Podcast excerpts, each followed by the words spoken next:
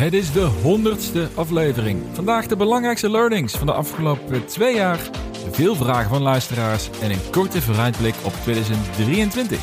Dit is de Mr. Don Podcast.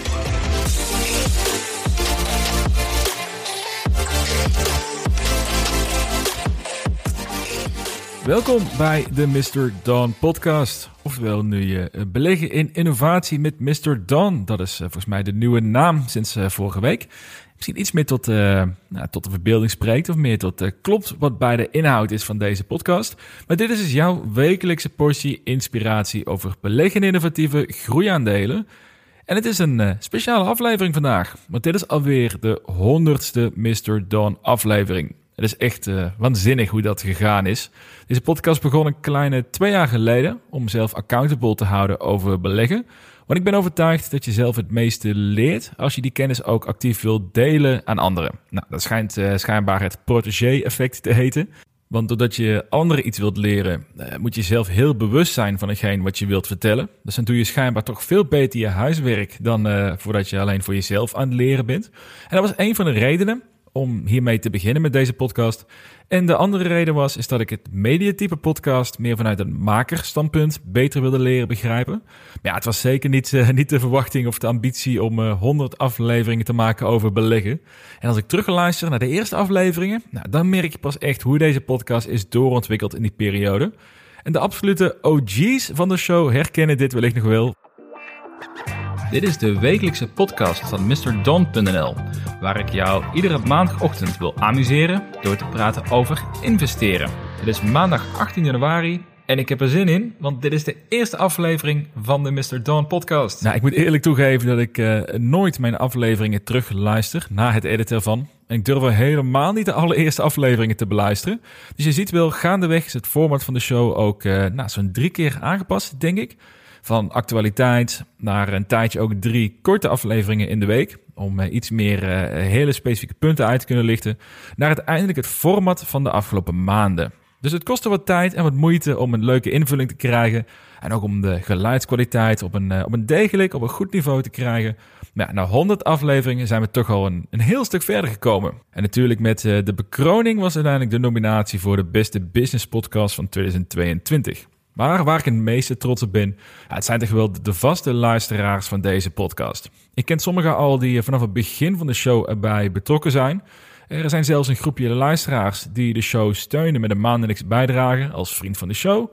En de afgelopen twee jaar heb ik regelmatig zo'n toffe leuke berichten gekregen via Twitter of via Instagram van mensen die echt wekelijks met veel plezier naar deze podcast luisteren. Ja, en daar doe je het toch allemaal voor. Het klinkt misschien als iets kleins, maar het heeft stiekem wel echt een, eh, een grote impact als je een berichtje krijgt met bijvoorbeeld: Yo, Mr. Don, wat een toffe aflevering heb je weer gemaakt.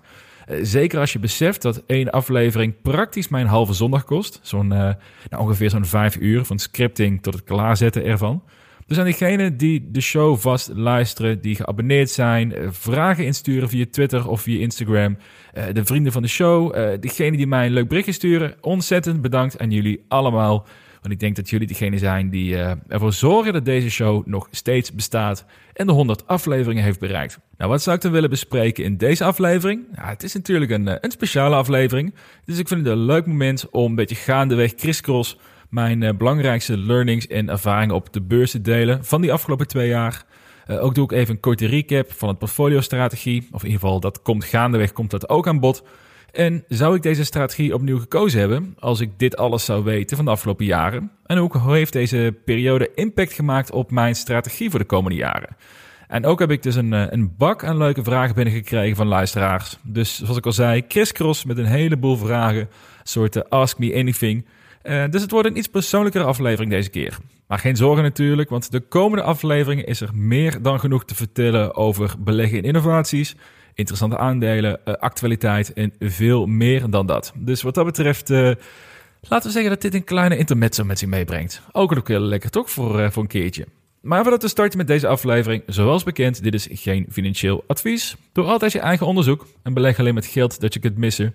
En mocht je nog geen vaste luisteraar zijn, dan kan je jezelf abonneren via Spotify of via Apple Music. En dan krijg je iedere maandagochtend een signaal dat de nieuwe aflevering voor je klaar staat.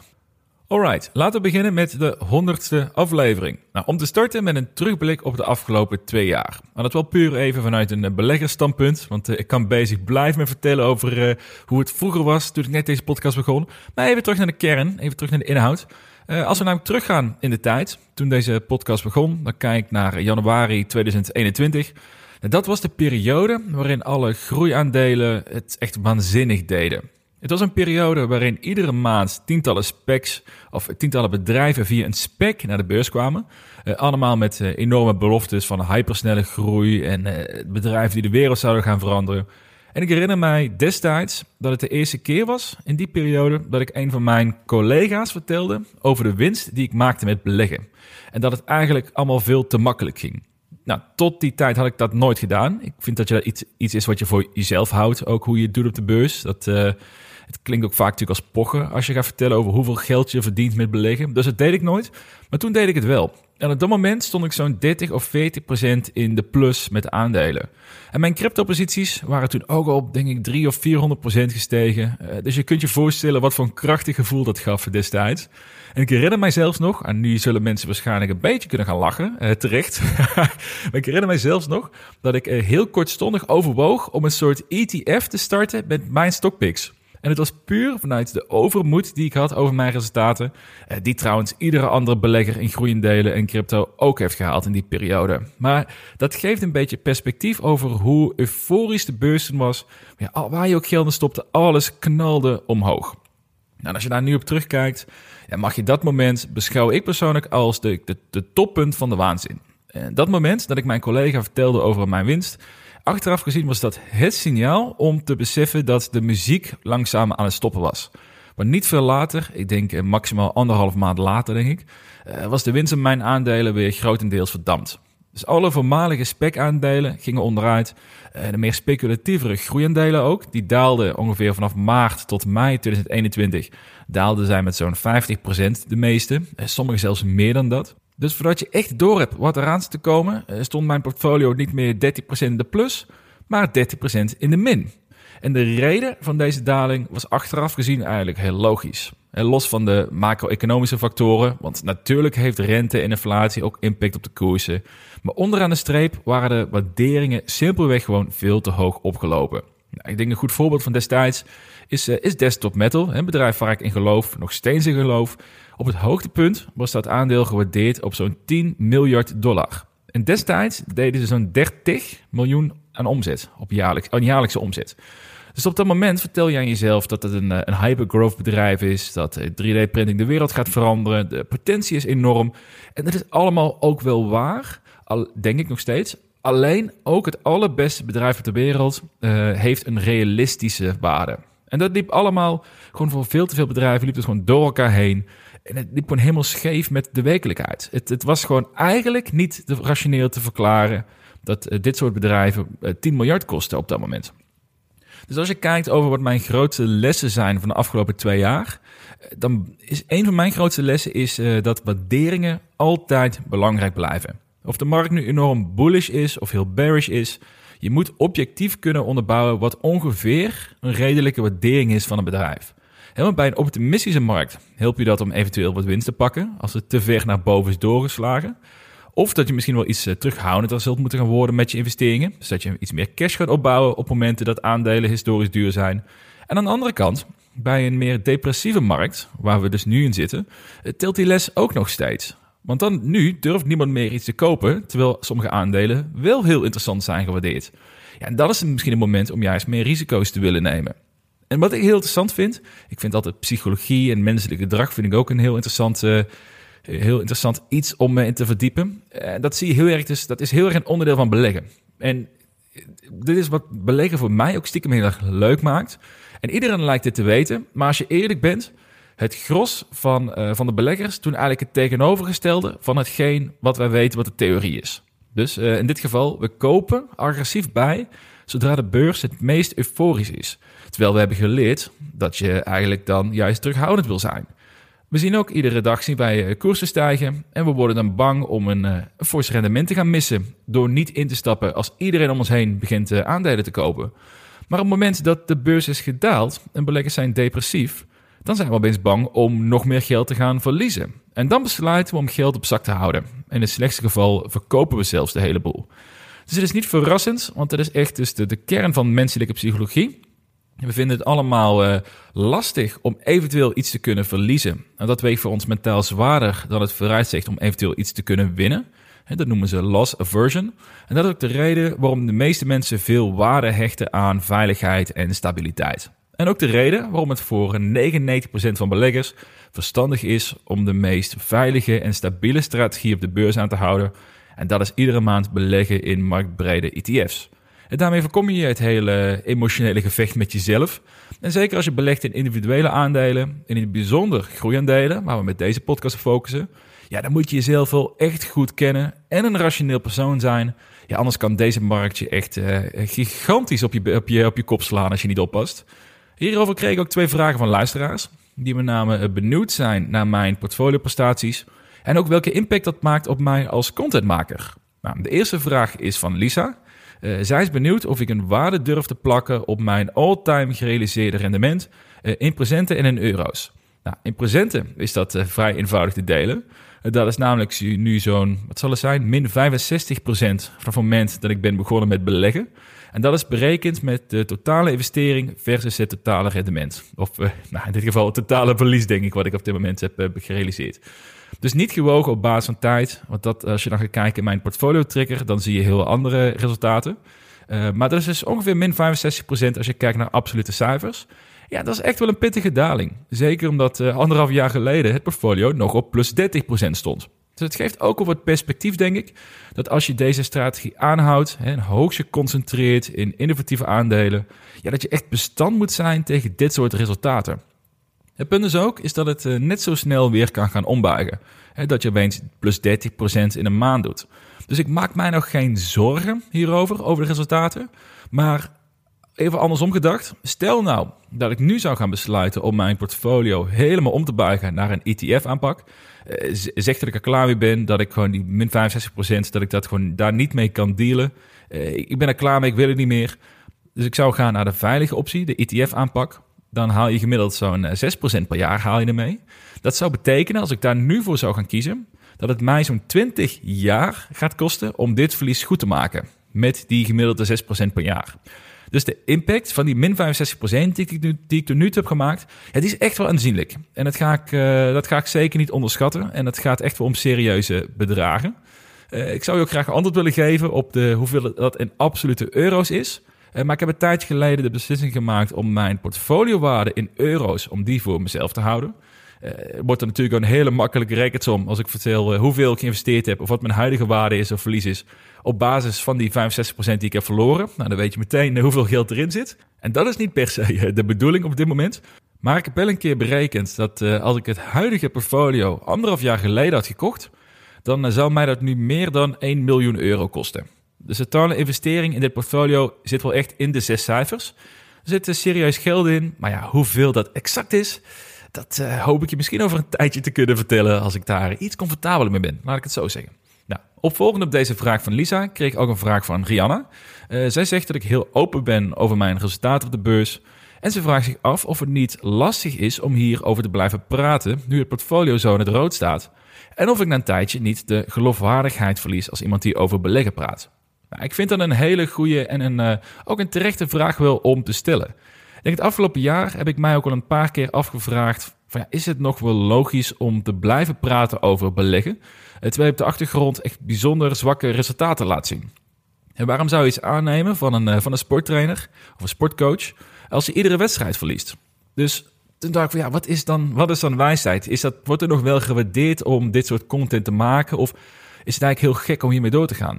Maar toen ik erover nadacht, eh, werd ik juist gesterkt in het idee om hier wel over te blijven praten. Ik denk de reden hiervoor is dat je veel meer kan leren van iemand die fouten maakt. Uh, en weet hoe iemand denkt in een slechte periode. Dan alleen maar te luisteren naar iemand die vertelt wanneer hij successen behaalt. Een heel simpel voorbeeld zijn al die Finfluencer accounts op Twitter, Instagram en met name TikTok. Die vertellen hoe makkelijk je geld kan verdienen met beleggen of in de huizenmarkt of het kopen van een bepaalde loesje crypto coin. Nou, ze claimen allemaal autoriteit vanuit hun prestaties. Je ziet eh, continu de, de leuzen met uh, ik verdien 10.000 euro per maand puur door 10 minuten per dag te treden. Nou, dat soort opmerkingen. En de social platforms die stonden bol van dat soort accounts twee maanden geleden. Of twee jaar geleden bedoel ik. Nou, inmiddels zijn de meeste daarvan zijn, uh, verdwenen. De reden? Hun strategie werkt totdat het niet meer werkt. En omdat hun complete persona is gebouwd op hun resultaten, valt de hele reden weg om hen te volgen. Want zij geven alleen inzicht in eh, goede tijden, maar niet hoe je moet overleven in slechtere tijden. En dat was voor mij een van de belangrijkste redenen om deze podcast te blijven maken en ook om mijn resultaten te delen via een transparant portfolio en op Twitter. Ik wil laten zien dat het oké is om door een verliesgevende periode te gaan als investeerder. Weet je, dit is niet erg. Het mag een keertje tegenzitten. Het mag een, hele tijd tegenzitten. Zolang je maar iets van leert, waardoor je uiteindelijk in een betere positie komt om je verlies weer goed te maken. Ik denk dat dit persoonlijk veel waardevoller is, ook als contentmaker, om dit proces heel open en eerlijk te delen, dan dat ik enkel over mijn successen zou praten. Ik heb er in deze fase zelfs ook bewust voor gekozen om, uh, om echt mijn slechte resultaat uit te lichten. En hier en daar ook gewoon een geintje over te maken over mijn resultaten, mijn portfolio. En ik durf dat te doen omdat ik uh, vertrouwen heb in mijn strategie. Uh, ik zou er namelijk ook voor kunnen kiezen om meer te praten over mijn crypto en mijn start-up investeringen. Hey, met crypto heb ik uh, 400% rendement behaald en met mijn start-up zit ik nu op 600% rendement. Dus da dat samen compenseert dat eigenlijk praktisch het volledige verlies op de beurs. Maar als ik juist ook die minder resultaten wil laten zien, dan wil ik, ik wil ook laten zien wat mijn moeilijkere beslissingen zijn geweest. Dus als antwoord op jouw vraag, Rianne, is er nog geloofwaardig? Maar ik hoop juist dat ik extra geloofwaardig ben door eerlijk te zijn over de resultaten die ik maak. Ik heb niets om te verkopen, ik ben ook uh, zeker geen expert, uh, maar ik hoop dat hier of daar een learning of een inzicht erbij zit die anderen helpt in, uh, in zijn of haar eigen beleggingsavontuur.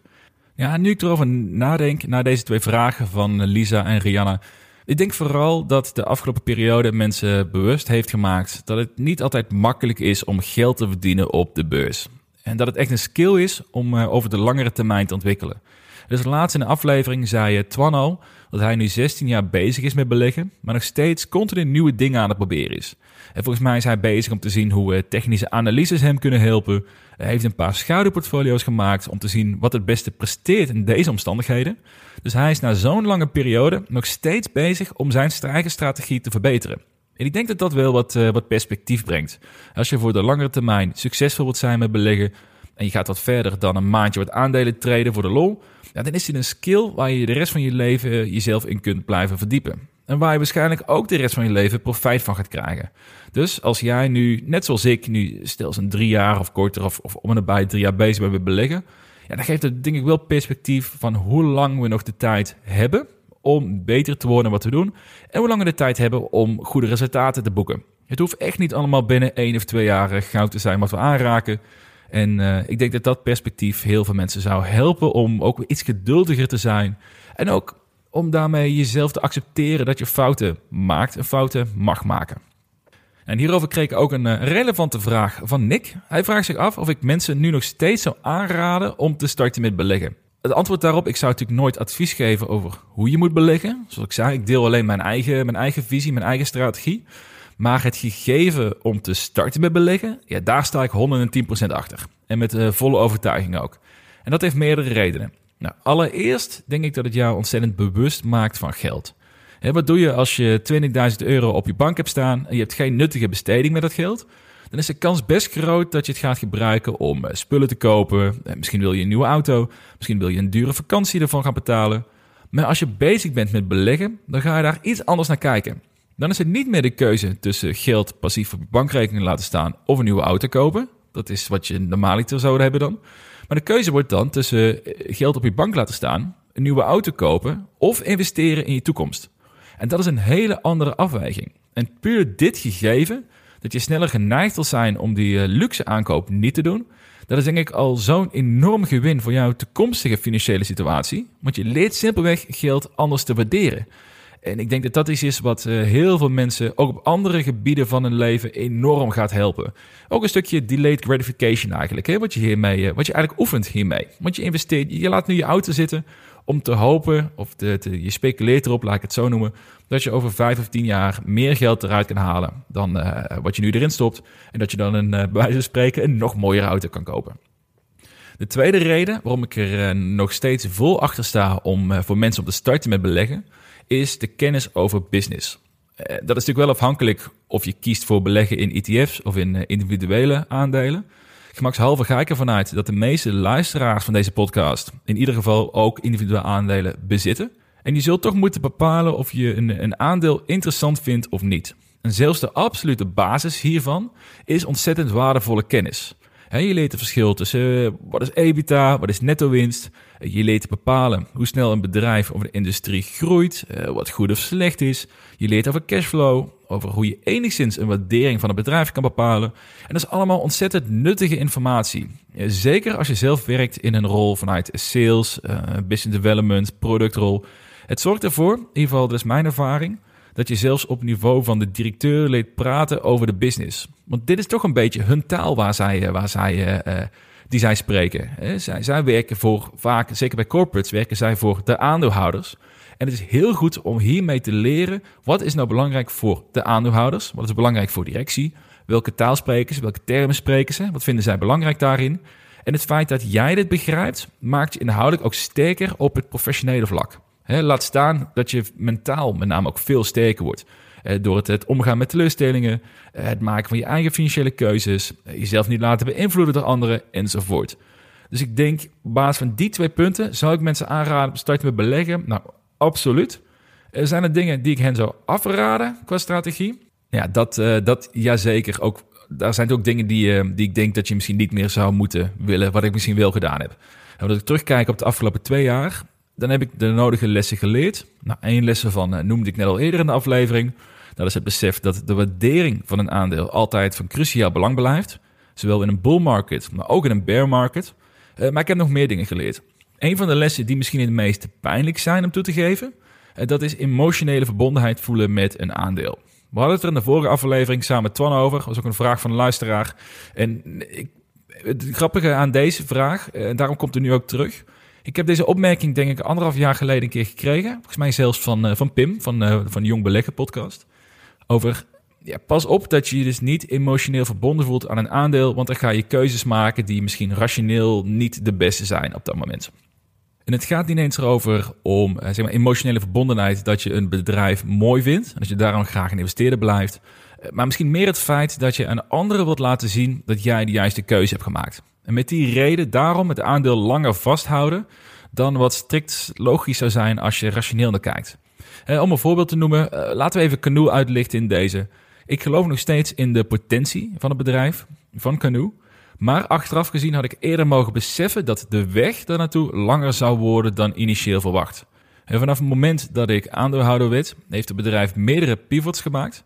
Van een eh, strikt abonnementsvorm naar losse verkoop van auto's eh, ze gaan eh, auto's laten maken bij VDL Netcar hier in Nederland. Toen gingen ze opeens een eigen fabriek bouwen in Pryor. En daarna gingen ze opeens een extra fabriek bouwen in Oklahoma, wat nu nog steeds leeg staat, een jaar later of anderhalf jaar later. En nu gaat een of andere onbekende contract manufacturer de komende zes maanden dingen maken. Uh, waar je ook misschien wel vraagtekens nog bij kan zetten, want of dat allemaal wel, uh, wel helemaal klopt. Ja, dat is lang vooral kort. Ik durf nu wel te stellen dat ik bepaalde signalen heb gemist en misschien wel ook al heb willen missen. Puur omdat ik mijn reputatie als Mr. Don te veel verbonden heb aan een aandeel zoals Canoe. Ik denk dat dat een vergissing was, wat mij uiteindelijk veel geld heeft gekost en het ook voorkomen had kunnen worden. Nou, hoe had ik dat dan kunnen voorkomen? Eh, mijn theorie, ik heb even gekeken heel praktisch, hè, want ik denk nog steeds het vertrouwen in Canoe is nog steeds hoog. Ik denk niet dat ik op basis daarvan mijn positie had willen verkopen na de laatste anderhalf jaar. Want ik, ik geloof nog steeds in bepaalde aspecten dat de potentie uh, enorm is mits ze kunnen uitvoeren. Dus ik zat te denken, ja, hoe had ik het dan voor mezelf wel makkelijker kunnen maken om wel iets ervan te optimaliseren in mijn portfolio?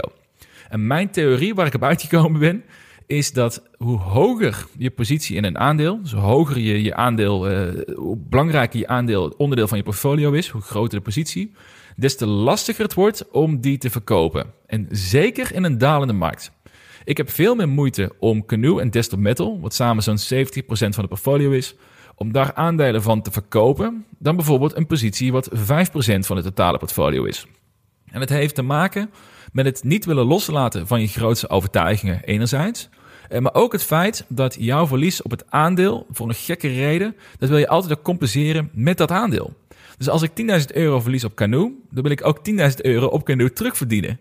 En dat is een compleet emotionele gedachte. Er zit nul ratio achter, want je kunt die 10.000 euro net zo goed terugverdienen via ieder ander aandeel op de beurs.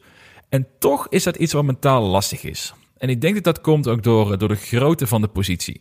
Dus mijn tweede learning van de afgelopen twee jaar is een cap te zetten op de grootte van mijn posities, zodat het eh, minder moeilijk wordt om posities te verkleinen als het bedrijf niet de juiste stappen zet. Dus dan denk ik aan een positie van eh, maximaal 15% per aandeel, met de meeste die dan tussen de 5 en 10% zullen bungelen. En ik denk dat dat gaat leiden tot gezondere beslissingen. Want ik denk nu in dit geval, als ik 40% een positie heb in desktop metal, ja, dat heeft zo'n enorme impact op mijn resultaat onderaan de streep. En ik denk nog steeds dat dat bijvoorbeeld twee of drie keer kan verdubbelen in een jaar tijd. Ja, dan is het ja, bijna emotioneel onmogelijk om die positie te willen verkleinen. Terwijl het achteraf gezien, als er eh, een, berichten komen of ontwikkelingen zijn waar ik niet achter sta, zou je misschien toch eerder geneigd moeten zijn om wel iets te kunnen durven willen verkopen van die positie. Ja, dat zit er nu gewoon niet in, merk ik. En dat is, uh, dat is een gebrek. Dat, ben ik, dat, besef ik. Ik probeer rationeel hier naar te kijken. Maar ik, ik denk dat het ook goed is om af en toe een soort uh, vanuit zelfreflectie te kijken. Waar je gewoon uh, ja, nog niet goed genoeg in bent. En ik denk dat dat een van de aspecten is waar ik echt nog wel iets uh, te leren heb uiteindelijk. Dus dat is ook een stukje, ja, misschien wel herkenbaar ook voor sommige beleggers als je dit hoort. Nou, misschien nog even interessant om uh, kort te vertellen over mijn strategie voor 2023. Tussen de vele vragen van de luisteraars door. En toen ik net begon met beleggen, toen koos ik voor uh, value aandelen. Ik had een divers portfolio van ETF's. Ik had zilver, uh, crypto, dividendaandelen, groeiaandelen. Oftewel best wel, een, best wel een gespreid portfolio destijds. En ik heb een jaar later toen de focus volledig gelegd op groeiaandelen met een geconcentreerd portfolio. Oftewel de huidige stijl en waar deze podcast zich nu dus ook volledig op richt. Nou, zie ik dan redenen om mijn strategie richting 2023 te gaan optimaliseren? Nou, ik denk dat dit nog steeds een uitstekende periode is om in groeiaandelen te blijven investeren. Het sentiment is nog steeds zo negatief dat eh, de perceptie bestaat dat geld de komende 10 jaar ontzettend duur blijft of duur wordt, eh, dat vele startups gaan omvallen.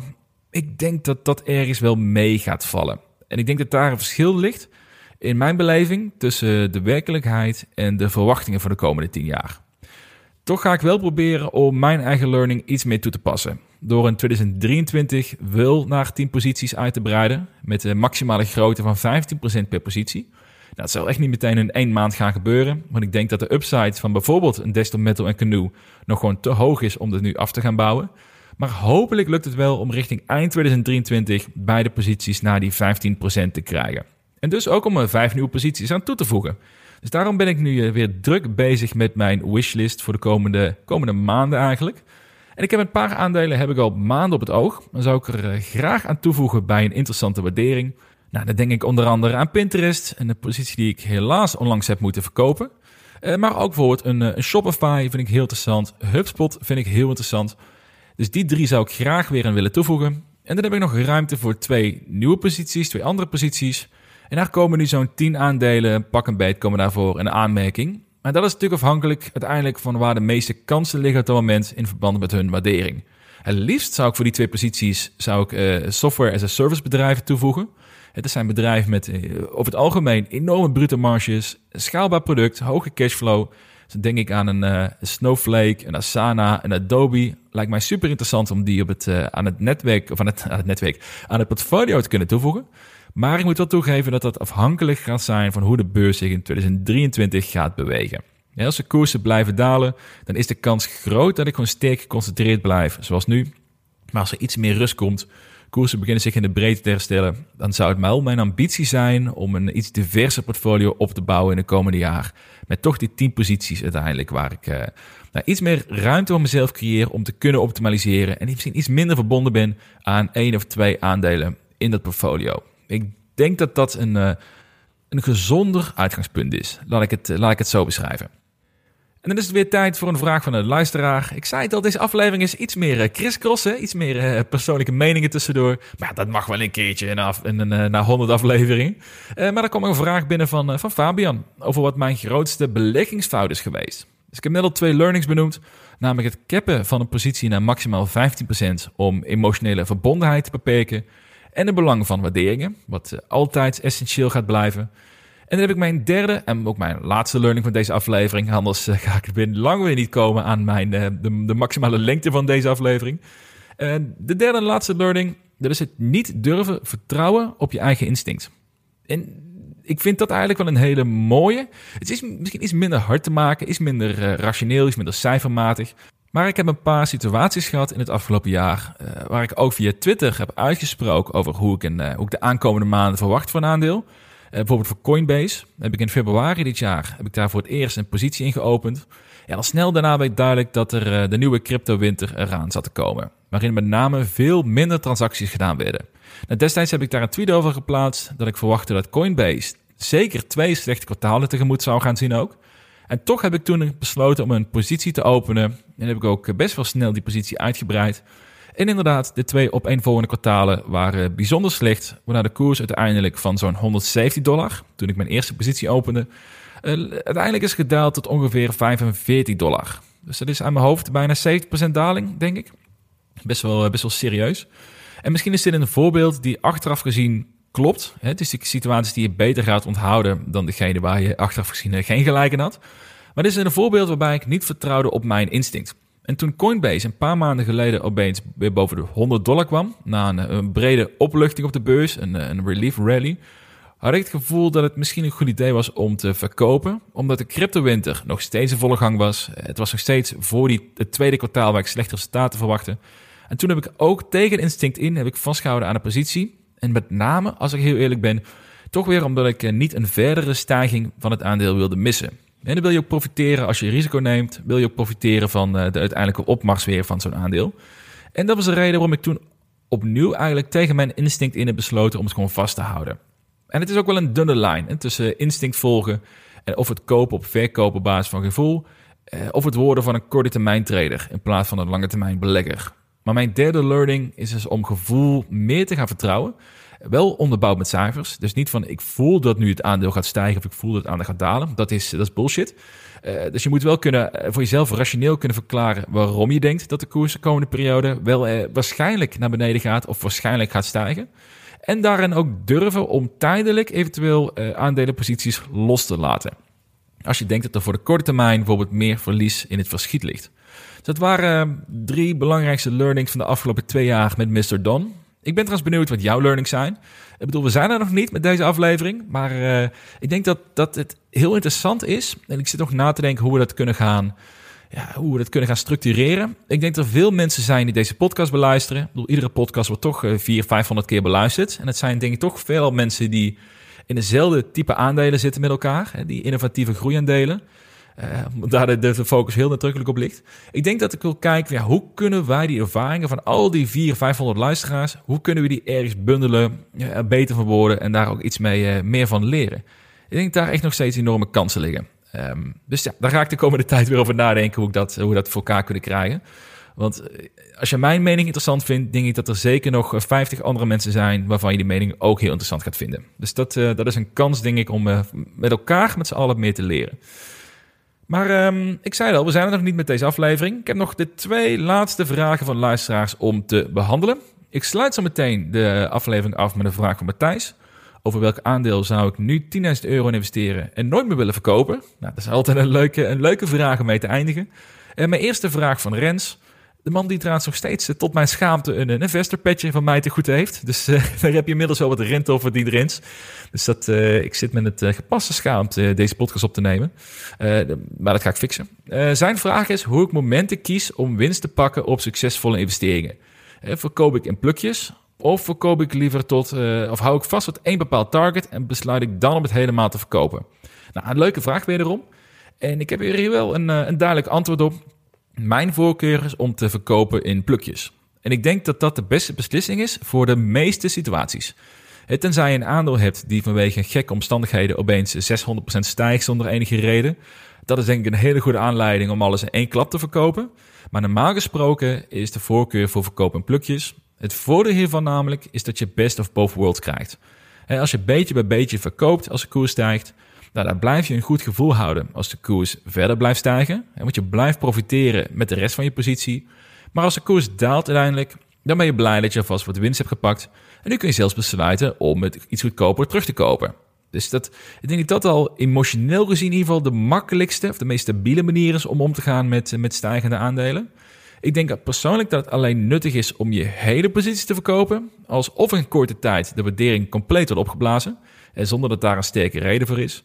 Dus stel je voor dat je een aandeel bezit waarbij je eh, geruchten ontstaan dat Apple hen wil overnemen. En de koers gaat uh, stijgt 300% als reactie op dat nieuwsbericht, op dat gerucht. Ja, dat is een heel makkelijk signaal om je hele positie te verkopen, normaal gesproken. En de tweede reden is als je je vertrouwen in het aandeel kwijt bent. Als je niet meer gelooft in de toekomst, dan is het gewoon een gevalletje van uh. Gewoon weg ermee, alles verkopen en blijf focussen op aandelen die je wil graag wilt behouden. Daarvan zou je niet moeten gaan klooien met plukjes verkopen. Dat is gewoon in één klap weg ermee. En ik denk dat dit uitgangspunt de meest stabiele manier is om uh, ieders portfolio te tweaken. En dan de laatste vraag van Matthijs over welk aandeel ik nu zou kopen en nooit meer zou verkopen. Nou, mijn saaie en mijn eerlijke antwoord zou zijn om te investeren in een dividend uitkerende ETF. Dat is waarschijnlijk de slimste optie. Als ik echt nooit mag gaan verkopen van je. Maar als ik, als ik hoop dat je een beetje coulant bent met, eh, met mijn beslissing. Uh, dat ik misschien over 20 of 30 jaar wel mag verkopen van je. Nou, dan kan ik kijken naar een individueel aandeel. En dan denk ik dat ik toch weer, en het begint bekender te worden, zou gaan kiezen voor Google. Ik heb dit aandeel ook al meerdere keren genoemd in deze afleveringen. Het is wat mij betreft gewoon een van de best geleide techbedrijven op de wereld. Ze hebben een stabiel businessmodel, of stabiel verdienmodel moet ik zeggen. Eh, ze hebben ook veel innovatieve projecten die misschien losstaan van hun kernproducten. Bijvoorbeeld autonome rijden zit ze heel sterk in. En ik vermoed gewoon dat Google over 30 jaar in ieder geval nog steeds een rol van betekenis speelt. Dus dat zou mijn keuze zijn als ik nu een aandeel zou moeten kopen die ik uh, voor de rest van mijn leven vast zou moeten houden. En het mag geen ETF zijn, dan is mijn keuze dus Google. Dus er waren in totaal zes vragen van luisteraars. Nou, afsluitend van deze honderdste aflevering is natuurlijk de vraag: hoe gaan de komende honderd afleveringen eruit zien? Nou, ik heb oprecht geen idee daarover. Ik denk wel dat we in de volgende podcast met Twan samen misschien al iets meer kunnen vertellen over de ambities en de plannen die we hebben met die podcastserie. Die een, uh, een aparte serie gaat worden naast Mr. Don of naast uh, beleggen in innovatie, zoals deze podcast eigenlijk nu officieel heet. En wie weet komen er nog 100 nieuwe afleveringen aan. En misschien kom ik wel achter in 2023 dat de twee wekelijkse podcasts te maken, dat het iets te veel van het goede is. Maar goed, dat is allemaal speculeren en iets voor later. Maar afsluitend, nu wil ik vooral uh, nog even van de gelegenheid gebruik maken om iedere luisteraar ontzettend te bedanken voor hun steun in de afgelopen twee jaar. We zijn nu 100 afleveringen verder. Uh, ik waardeer jou ontzettend en ik denk dat dit ook de reden is dat deze podcast over deze magische grens mag gaan. Ik hoop dat je de komende maanden en de komende jaren uh, dat je blijft luisteren en dat ik je mag blijven amuseren door te praten over investeren. Nou, dat was ook een gouden, goede oude uitspraak hè? Voor, voor de OG's die er lang bij zitten. Die hebben heel lang niet meer gebruikt trouwens. Volgende week weer een nieuwe duo-aflevering samen met Twan. Eh, voor nu bedankt voor het luisteren en graag tot de volgende week.